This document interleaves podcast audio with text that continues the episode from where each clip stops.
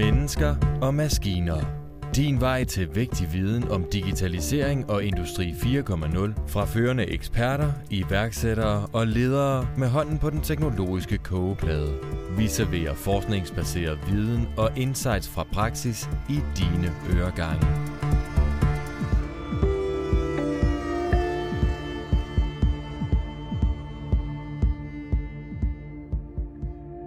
Den her episode af podcasten skal vi se på kunstig intelligens, som stadig er mere kunstig end intelligent, men som alligevel rummer vilde potentialer, som vi får udfoldet. Jeg taler med Peter Svare, forfatter, og Søren Dalgaard, AI-ekspert. De har to indfaldsvinkler til emnet, og vil hjælpe os med at forstå, hvad, hvordan og hvorfor. Hvis du kan lide podcasten, som du lytter til lige nu, så giv mig en positiv vurdering i Apple Podcast, eller del episoden i dit netværk, så endnu flere kan lytte med. Og jeg modtager også ris og ros og idéer til nye podcast på min mail, mathias med th, m lundcom Mathias med th, m lundcom Og lad os så komme i gang. Hej, Peter Svare, og øh, tak fordi du har lyst til at være med i min øh, podcast. Til tak. Du er forfatter til bogen Hvad skal vi med mennesker? Blandt andre bøger, så er du foredragsholder og digital strateg. Hvad, hvad er du optaget af øh, for tiden, når du kigger ud i det teknologiske og, og digitale landskab? Hvad, hvad går du så og tænker over og holder øje med og sådan noget? Ja, lige for tiden er jeg optaget af to ting. Jeg er optaget af Vestkysten øh, og et stort øh, projekt omkring at rebrande Vestkysten og bruge digitale redskaber til, til det. Øh, så, så det er en ting, men, men sådan, øh, i det store perspektiv øh, er, er mit store interesseområde, det er øh, kunstig intelligens, som er det min seneste bog, Hvad skal vi med mennesker handler om. Og, og det, som specifikt interesserer mig inden for det emne, fordi jeg er ikke sådan en teknisk person, der sådan arbejder med maskinlæring og algoritmerne selv, men det, der interesserer mig, det er sådan de de menneskelige, sociologiske, samfundsmæssige, etiske konsekvenser af, at maskiner pludselig begynder at træffe beslutninger, som jo er det AI og algoritmer handler om.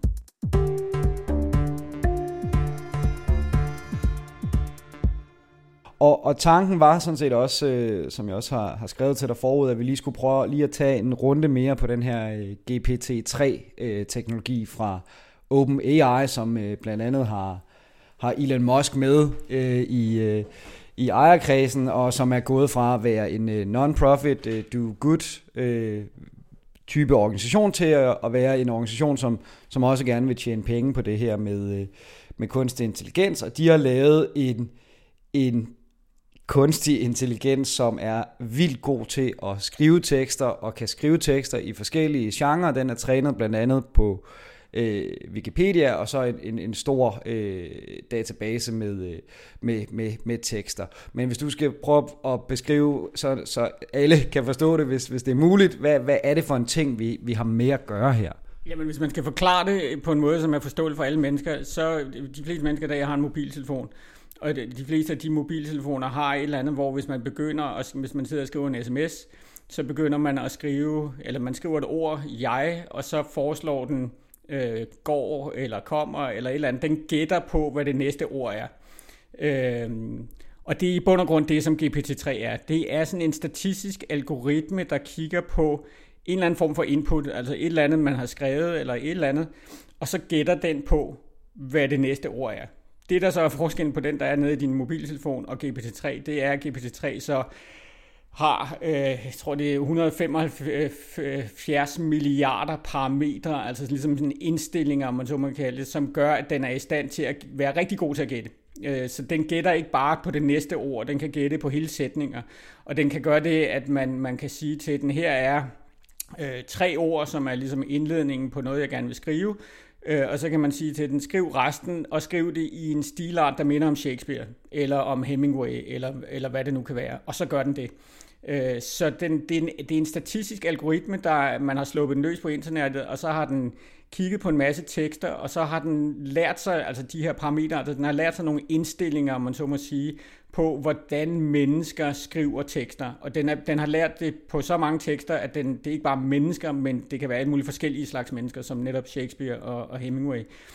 Og så kan, kan den altså derefter, på grund af al den her læring, så kan den gætte sig til, hvordan mennesker skriver et eller andet, ikke bare ord, men hele sætninger. Og så kan man altså få den til at skrive en, en fuld tekst. Og, og det, der som er, er super interessant, er, at den kan, altså som sagt, så kan den skrive litteratur, den kan skrive, den kan skrive poesi, man kan få den til at skrive digte, men den kan også skrive noget som prosaisk, som øh, brugermanualer.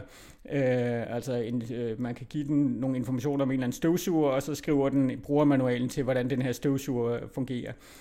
Jeg spurgte også Søren Dalgaard, hvad vi skal forstå ved kunstig intelligens. Altså, det er jo, i bund og grund, så er det, så er det jo lineær algebra. så du har en eller anden stor, stor matrix og nogle ting, du ganger sammen, og så kommer der et eller andet tal ud øh, til sidst. Øh, og, og det, men, jeg, men jeg tænker ikke, at det er noget, der gør folk så meget klogere. Øh, men, altså, men, men prøv, lige, prøv lige at forklare, hvad, hvad ligger der egentlig i det? Altså, hvad betyder det? Fordi alle kan sige, at matematik er vigtigt, at vi skal have programmering ind i skolen og sådan noget. Men, men hvad, er det egentlig, man, øh, hvad er det egentlig, man gør, når man øh, programmerer? Oh, altså sådan programmere generelt, eller, eller sådan øh, machine learning? Machine learning. Machine learning. Ja, men i virkeligheden så er der nogle øh, kloge mennesker, der har lavet sådan en masse rigtig, der er sådan nogle ved Facebook og nogle ved Google, som laver sådan nogle frameworks, øh, med nogle byggeklodser, som man sætter sammen øh, på den rigtige måde. Og, og det handler meget om, at man har sådan nogle... Det, I dag der er det meget fokuseret på neurale netværk, øh, så man har sådan nogle neurale netværk, der er bygget på en, eller anden, med en struktur, så man ved, at det fungerer godt til øh, billedgenkendelse, eller det her det fungerer godt til at forstå tekst. Og så, og så sætter man dem sådan sammen på den rigtige måde, øh, og så er der egentlig, så er der en eller anden funktion, der hedder træn, og der er en funktion, der hedder øh, opdel dit datasæt, og så kører man det igennem, og så, og så får man noget ud på den anden ende. Og det lyder sådan, altså det lyder sådan meget simpelt, øh, og det er, det er selvfølgelig også en simplificering, fordi man kan stykke de der ting sammen på rigtig mange forskellige måder, man kan også lave sine egne byggeklodser. Og så handler det også rigtig meget om at, at udvælge sin data rigtigt. Øh, så, så når vi sådan er ude ved, ved vores kunder for eksempel, jamen så vi har selvfølgelig bygget de her modeller på forhånd, men, men vi underviser dem rigtig meget i, jamen hvordan, hvad er det for noget data, der fungerer godt at bruge til at træne her? Hvordan skal du opdele dine data? Er det, øh, hvordan, hvordan, hvordan strukturerer man sådan inputtet, sådan at, at computeren har nemmere ved at lære af det?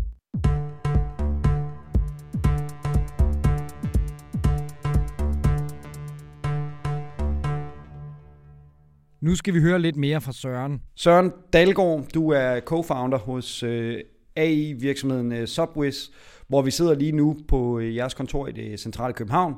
Du har en baggrund som Ph.D. fra Københavns Universitet i Computer Science, og så har du vundet DM i programmering fem gange, hvilket jeg synes er, er, en, er en kuriositet, som jeg tænker, vi skal dykke ned i. Men først og fremmest tak, fordi du har lyst til at, at være med her. Jamen selv tak. Hvor, hvor startede din øh, personlige interesse for øh, teknologi og digitalisering og, og, og programmering egentlig? Øhm, jamen det er et godt spørgsmål. Jeg tror, det var fordi, jeg øh, spillede meget computer som lille.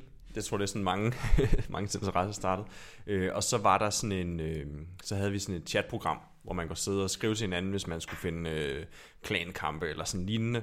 Øh, og så tænkte jeg sådan, om det, det der chatprogram, det kunne man faktisk skrive, sådan programmere lidt i, så man kunne lave sådan en, øh, det var meget populært at lave sådan en robot, der kunne sidde og, så kunne man skrive til robotten, og så kunne den samle 10 mennesker, og så kunne man spille øh, sammen mod hinanden. Og så, sådan, så sad jeg sådan og prøvede lidt med det, og så tog det ene ligesom det andet, og så på et eller andet tidspunkt, så læste jeg datalogi på KU. Okay, så du er simpelthen gået fra, fra computerspil til, til en, øh, en, hvad skal man sige, en uddannelse inden for, øh, for programmering. Øh, hvad, hvad, er det, der, hvad er det, der fascinerer dig ved, ved, ved programmering og det her med at kunne, øh, kunne manipulere med, med teknologien, hvis vi, hvis vi kalder det det? Øhm, jeg tror, så øh, på Diku, der havde de på et tidspunkt sådan et slogan, der hedder, at det var øh, matematik på den seje måde. Jeg tror, det var sådan en uofficielt øh, slogan.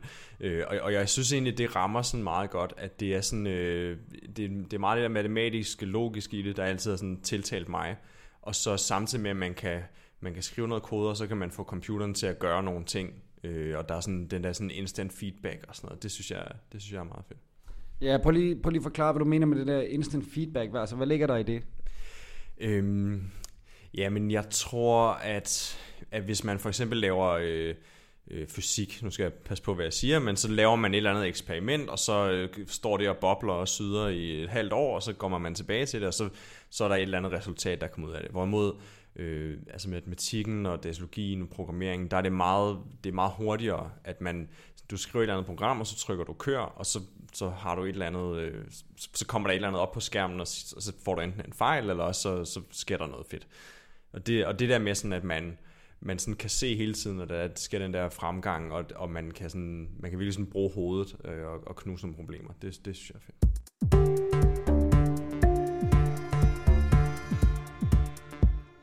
Før vi går videre, så vender vi lige tilbage til Peters analyse af GPT-3. For hvor vildt er det egentlig?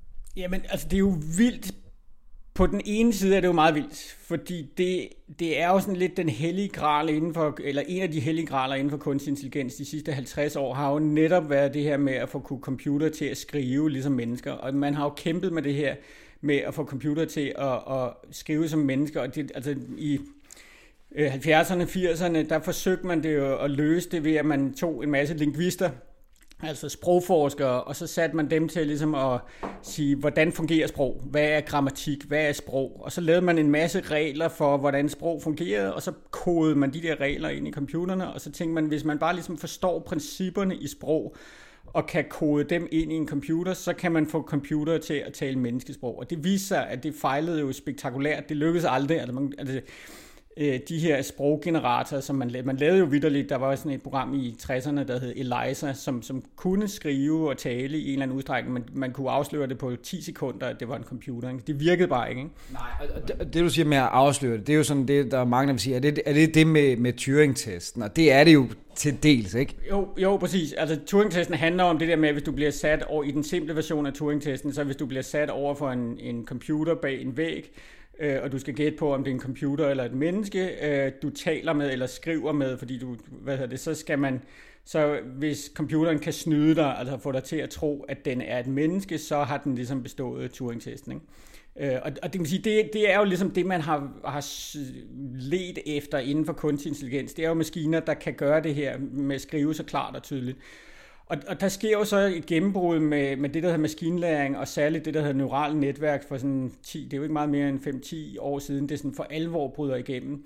Og det er jo fordi, man ændrer approachen til at være den her statistiske approach, og i stedet for, at man siger, nu skal vi finde ud af, hvad reglerne for sprog er, øh, så føder vi bare maskinerne med en masse data med sprog. Altså bare hælder en masse sprog ind i maskinerne, og så sætter vi dem til selv at finde reglerne. Og der var, der var sådan en øh, forsker inden for øh, AI, som på et tidspunkt siger, at hver gang jeg fyrer en lingvist fra mit øh, AI-hold, så bliver min sprogalgoritme bedre. Altså så den der idé om at få mennesket ud af, af, af systemet, og ligesom bare få maskinerne til at lære af sig selv. Og det, altså GPT-3 er sådan indbegrebet af den her filosofi, fordi der har man fodret den med massive, massive mængder af data, og så har den selv ligesom gået ind og regnet alle de her sammenhænge ud med, hvordan, hvordan sprog fungerer. Og, og det vil sige, tilbage til spørgsmålet, altså det der jo er virkelig, virkelig revolutionerende nu, det er jo, at GPT-3 er jo i stand til at skrive sprog, så det lyder menneskeligt. Altså det er grammatisk korrekt, det flyder, det har Øh, og det har jo sågar netop sådan en tonestil, som jo er noget af det, der er interessant, fordi sprog er jo ikke bare sprog. Sprog kan være mange ting. Altså, du taler på en måde, jeg taler på en anden måde, Hemingway taler på en, Dan Turell taler på en fjerde måde. Vi taler alle sammen forskelligt og har forskellige tonestilarter, så hvis man ikke har en tone eller stil i sit sprog, så er det ret let at gennemskue, at man er en maskine. Og det er jo noget af det, man ligesom har, har fundet frem til med GPT-3, at man kan give den en tonestil, øh, så den har en unik måde at udtrykke sig på. Og det bidrager jo endnu mere til, at man får den der fornemmelse af, at den skriver ligesom et menneske. Ja, og der kan man jo så sige, hvis man så skal gå dem lidt i møde, at, at i en simpel forståelse af det her med, med Turing-testen, at man, kan, man, kan man afgøre, om det er et menneske, der har skrevet de her tekster. Altså de eksempler, jeg har set, vil jeg sige, nej, det kan du faktisk ikke. Du kan ikke afgøre, om det er et menneske. Hvad, hvad, hvordan, hvordan ser du det? Altså, det, det interessante er, at hvis sådan lidt overfladisk blik på nogle af de der tekster, den genererer, der tænker man, det lyder ret menneskeligt det der. Og, og netop hvis det var en brugermanual, øh, så tror jeg heller ikke, at jeg ville kunne se, at den var skrevet af GPT-3, fordi brugermanualer er i forvejen skrevet meget øh, maskinelt på en eller anden måde. Men lige så snart man begynder, og det er jo så der, hvor det begynder at blive ret interessant med GPT-3, når man begynder at læse teksterne, så vil man et eller andet sted opdage, at de er meningsløse. altså, de har ikke noget budskab, de har ikke nogen pointe, de har ikke noget, de vil sige dig. Øh, og det er sådan, man, man er nødt til at trænge en lille smule dybere ind i teksten nogle gange, for nogle gange er det ret tydeligt, at det er fuldstændig meningsløst. Altså det er sådan grammatisk hænger sammen, men det er fuldstændig meningsløst. Men andre gange, så skal man sådan dykke en lille smule ned i teksten, og, og på et eller andet tidspunkt, så går, man, går det op for en, at der er ingenting i den her tekst. Altså den, den er sådan helt tom øh, for mening, og, og det, det er lige præcis det, som jeg synes er så interessant ved GPT-3, at det er sådan en, det er en faker, altså den faker sprog, og den faker menneskelighed på en eller anden måde. Så den er virkelig, virkelig god til på overfladen at virke menneskelig, men man skal ikke krasse særlig meget i overfladen, før det går op for en, at den, den har ikke noget på hjerte. Altså den har ingen, den har ingen øh, men, øh, bevidsthed eller menneskelighed eller tanke bag det, den skriver. Og det, det har den ikke, og det kan den ikke have, fordi den er bare en statistisk algoritme, der gætter på, hvordan et, et menneske ville have skrevet det her. Ikke?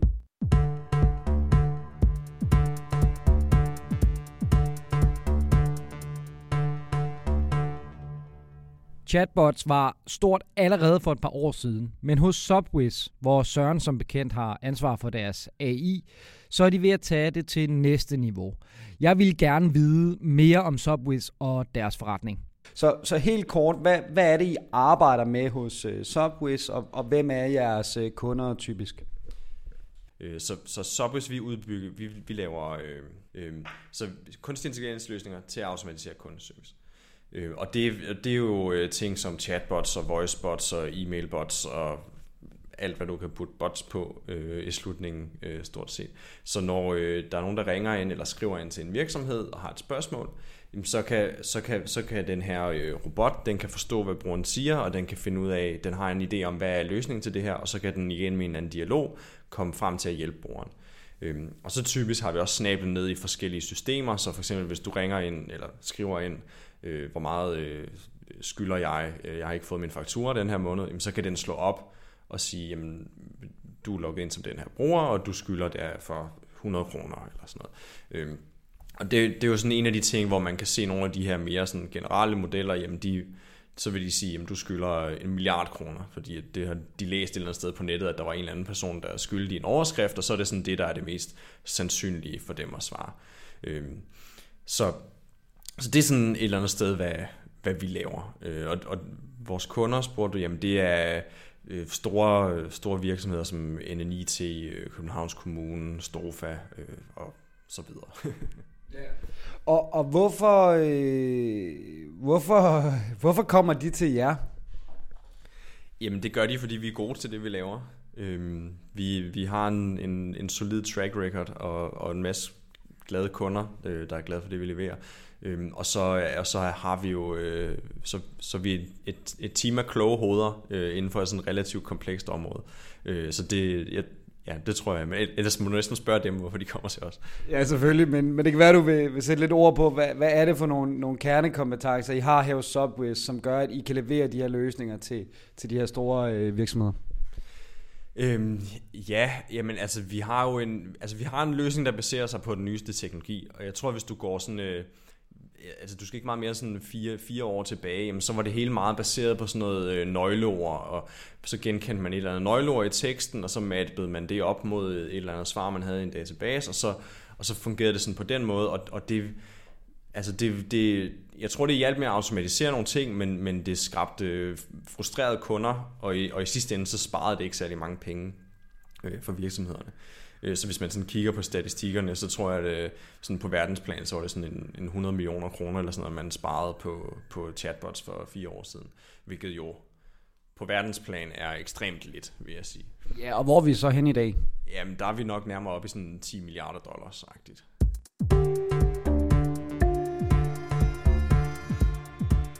Tilbage til Peter, som har et spørgsmål til Søren om chatbots, og han er ikke imponeret? Mit spørgsmål er, og det er sådan egentlig meget baseret på personlige erfaringer. Jeg har arbejdet i tech-branchen i 20 år, og jeg har prøvet rigtig mange chatbots, også selv som kunde på på e-handel sites, og altså startende med, jeg tror, Microsofts paperclip, ikke? og altså chatbots var jo noget, man sådan forsøgte at lave for, for 20 år siden, øh, og hvad hedder det, og man, for, jeg tror for to-tre år siden, var det sådan det helt store hype, det her med chatbots, og, så jeg har prøvet mange af dem, og jeg vil bare, altså min erfaring med chatbots er, at jeg bruger dem i cirka 20 sekunder, og så skriger jeg som regel med store bogstaver øh, i tastaturet på, at jeg gerne vil tale med et menneske. Jeg gjorde det faktisk her forleden dag, hvor jeg skrev, give me human being. Øh, og altså det eneste, det, det er jo, altså chatbots er på en eller anden måde blevet lidt ligesom de der telefonsystemer, hvor man skal trykke på 2, 3, 4, 5, 7, for, og det eneste, det eneste, det handler om, det er at regne labyrinten ud for at komme til at tale med et menneske. Og jeg, jeg har det lidt på samme måde med chatbots i dag, at det er sådan, man skal bare regne ud, hvad man skal sige til den, før man kan komme til at tale med et menneske. Så mit spørgsmål er, det, det, altså, hvorfor er chatbots ikke bedre? Altså, hvorfor er de ikke blevet bedre? Øh, kommer de til at blive bedre? Det går jeg ud fra, at han jo vil sige, at de gør, det betragtning af, det er det, de arbejder med. Men det, jeg godt kunne tænke mig at høre, det er, hvad er det, der skal til? Altså, hvad er det, vi mangler? Hvad er det, øh, hvad er det for en og, ting, som gør, at vi ikke er der i dag? Og lige præcis noget som GPT-3, som vi har talt om her, er det det, sådan, altså, er det det, der kommer til at løse problemet, at vi bare sætter en masse, altså at vi træner dem på endnu flere data, eller er der et eller andet gennembrud inden for kunstig intelligens, som vi ikke har helt løst i dag endnu, før de kommer til at være Altså før man kommer til at faktisk at elske sin chatbot, sådan som det ender med, at man hellere vil tale med en chatbot, end man vil tale med et menneske. Hvad, hvad, hvad er så dit, øh, dit svar på det? Øh, jamen, altså, altså der er jo, øh, altså jeg kan, jeg, jeg kan kun være enig i, i nogle af observationerne, at, at altså, hvis, som jeg prøvede at sige før det her med, at hvis du kiggede på de teknologier, der var for en 4-5 år siden, som er mange af dem, der ligesom bliver brugt ud i markedet, altså så virker de bare ikke særlig godt.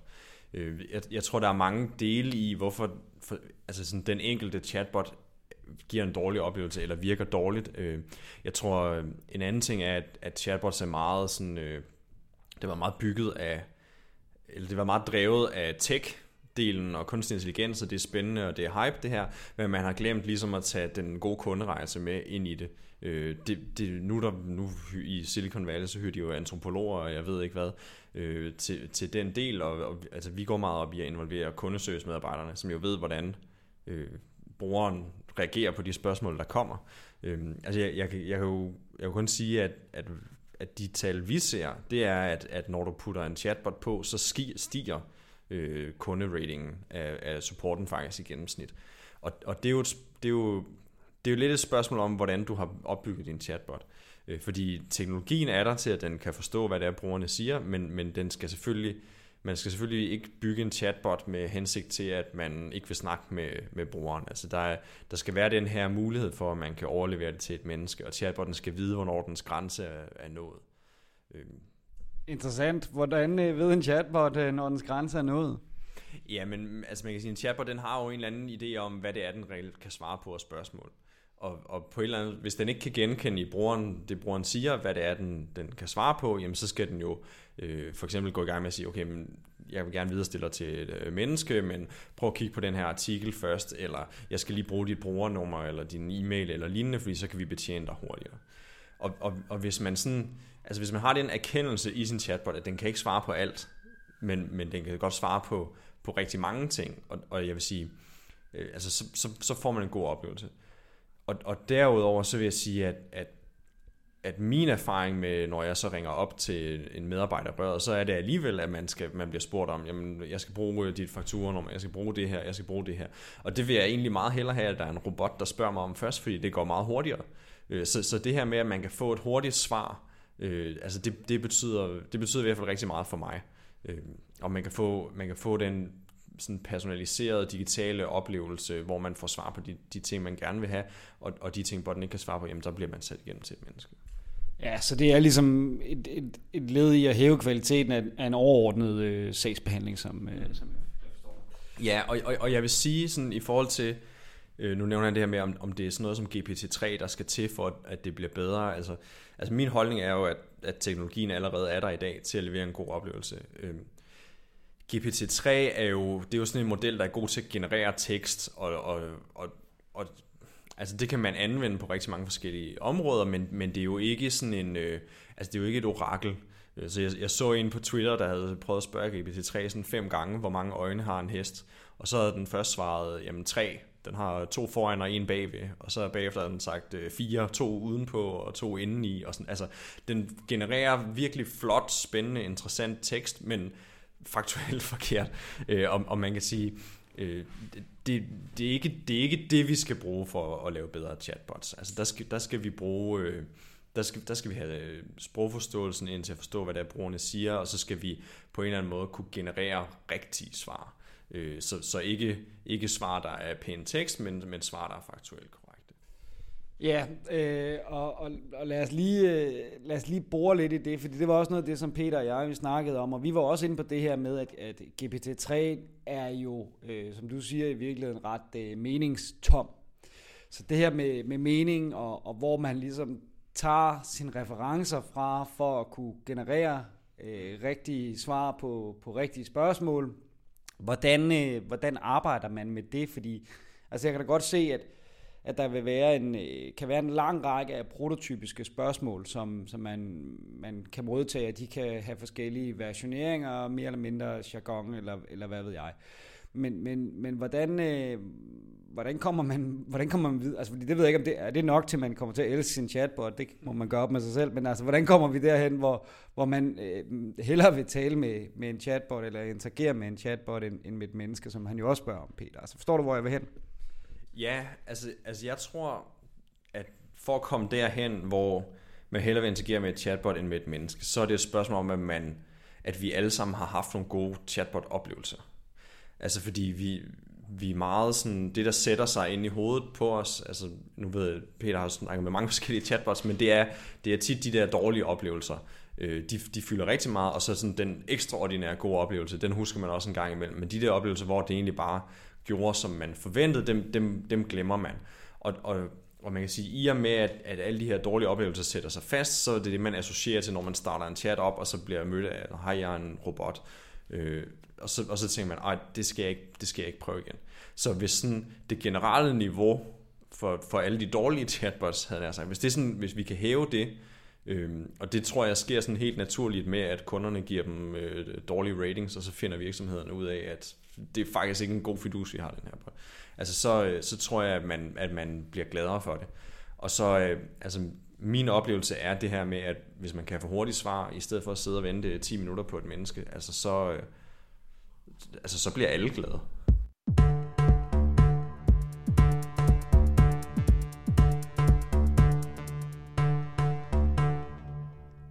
Hvad skal vi bruge teknologien til, og hvordan kommer man videre med kunstig intelligens i sin egen organisation? Så det, det jeg tit gør i den her øh, podcast, det er at sige, okay, hvordan ser det her så ud fra, fra, et, fra et virksomhedssynspunkt? Og der plejer jeg gerne at tage, tage udgangspunkt i, i små og mellemstore virksomheder, fordi de store virksomheder, de har, de har sgu godt styr på deres AI-strategier, de fleste har ligesom måder at tage de her ting i brug på. Men, men, men, men med afsæt i det, du har sagt og fortalt, og, og, og det vi har talt om indtil videre, hvordan er det så, man, man strategisk gør det her, hvis ikke man er røntgenlæge, men hvis man er, er en mellemstor virksomhed, hvordan er det så, man arbejder strategisk med at finde ud af, hvad er det for nogle teknologier, man skal tage i brug, hvad er det for nogle øh, kompetencer, man skal øh, altså, træne i virksomheden eller øh, rekruttere sig til, og, og hvad gør man, hvis man øh, altså, er ikke-teknisk medarbejder, sådan nogle ting. Så hvordan arbejder man strategisk med at, at udnytte de muligheder, der, der ligger, øh, altså helt klart ligger foran os her?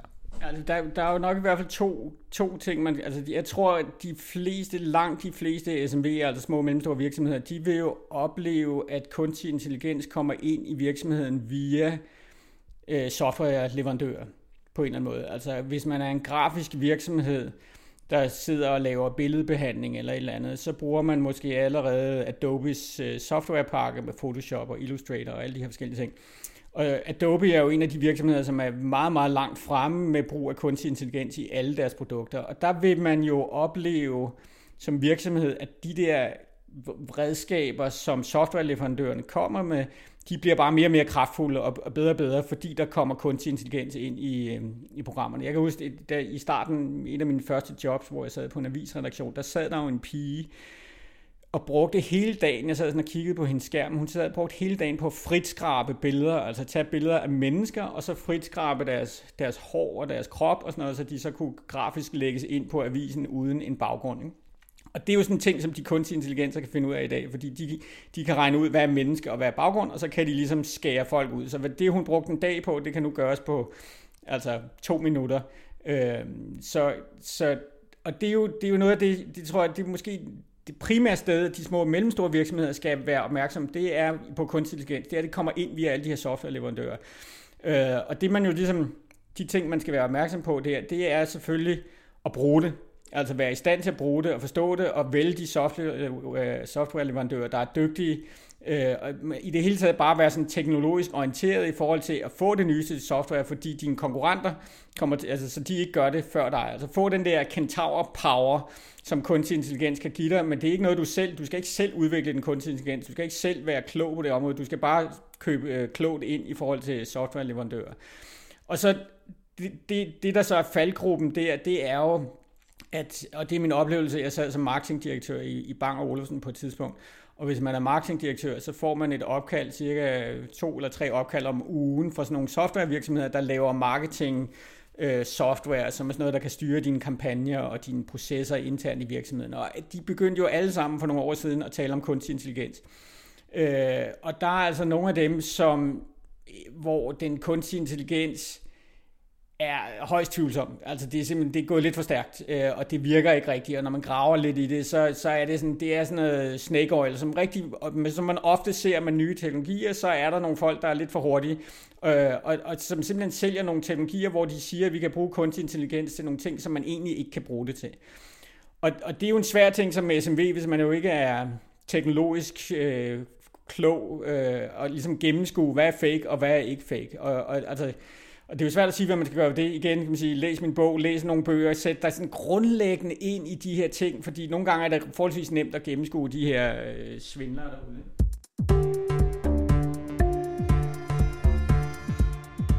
Samme spørgsmål fik Søren Dalgaard. Lad mig spørge på den måde. Øh, hvis, øh, hvis jeg nu sidder i en øh, mellemstor eller en stor virksomhed, eller måske en mindre virksomhed med, øh, med, med budgetter og, og mod på det her med at sige, kan jeg automatisere min, øh, min kunderejse, kan jeg gøre noget, øh, noget bedre i interaktionen, øh, hvad, hvad skal jeg så øh, overveje, hvad, hvad skal jeg gøre mig klart, inden jeg øh, løfter røret og ringer til, til Subways, eller måske, øh, Gud forbyde det selv, går i gang med at, at, at udvikle noget? Altså, hvad, hvad er det for nogle ting, man skal have gjort op med sig selv, inden man kaster sig ud i det her? Øhm, det er et godt spørgsmål. Altså, man skal selvfølgelig bare ringe til os. Nej, nej, men øh, jeg tror, man skal gøre det klart for sig selv, at, at en chatbot, det er, altså, det er ikke noget, man, man laver og trykker start, og så, og så kører det, og så, og, så, og så er man færdig med det. Altså, det er, det er noget, der kan, det kan gå ind og spare en masse tid, men omvendt, så skal man også Øh, bruge noget tid på at, og ligesom passe og pleje og udvide og, og så videre sådan en.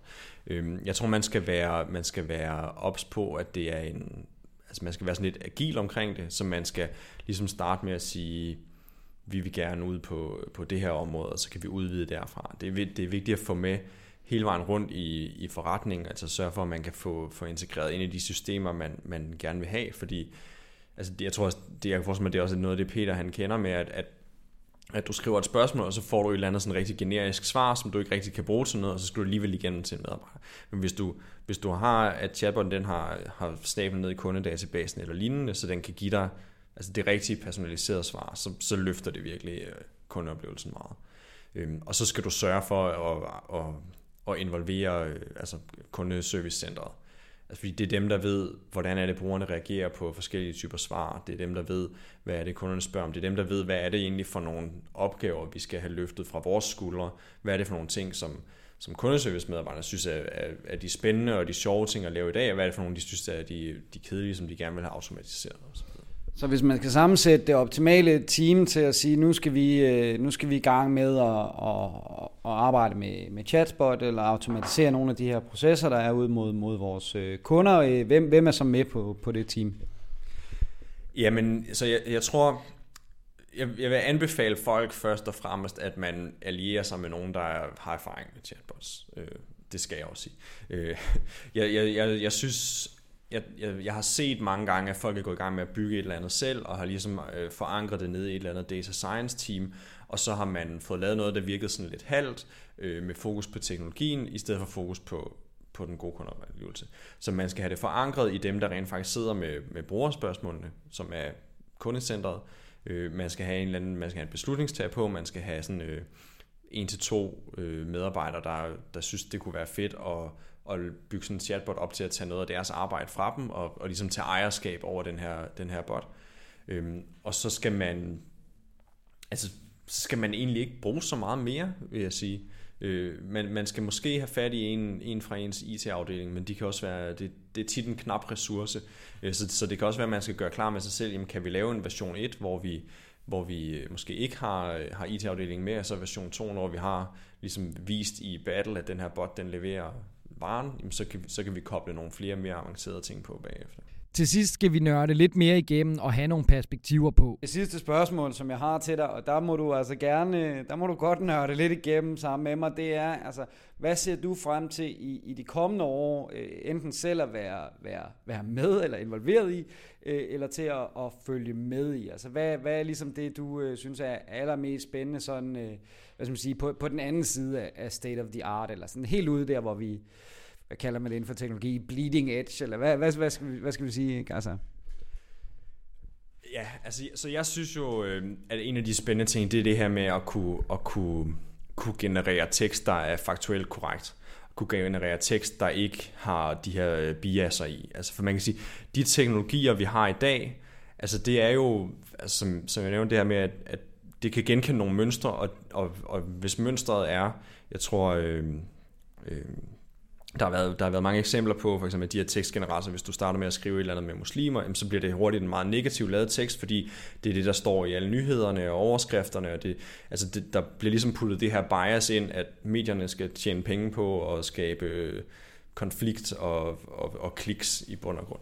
Og, og, og kunne lave øh, kunstig intelligensløsninger, der ligesom kan overkomme den form for, for bias, øh, måske i virkeligheden bedre end os mennesker kan, fordi vi har jo mindst lige så meget bias øh, i virkeligheden. Altså det, det synes jeg er rigtig spændende, og det er også altså det er et enormt svært problem, sådan rent, øh, rent teknisk at løse.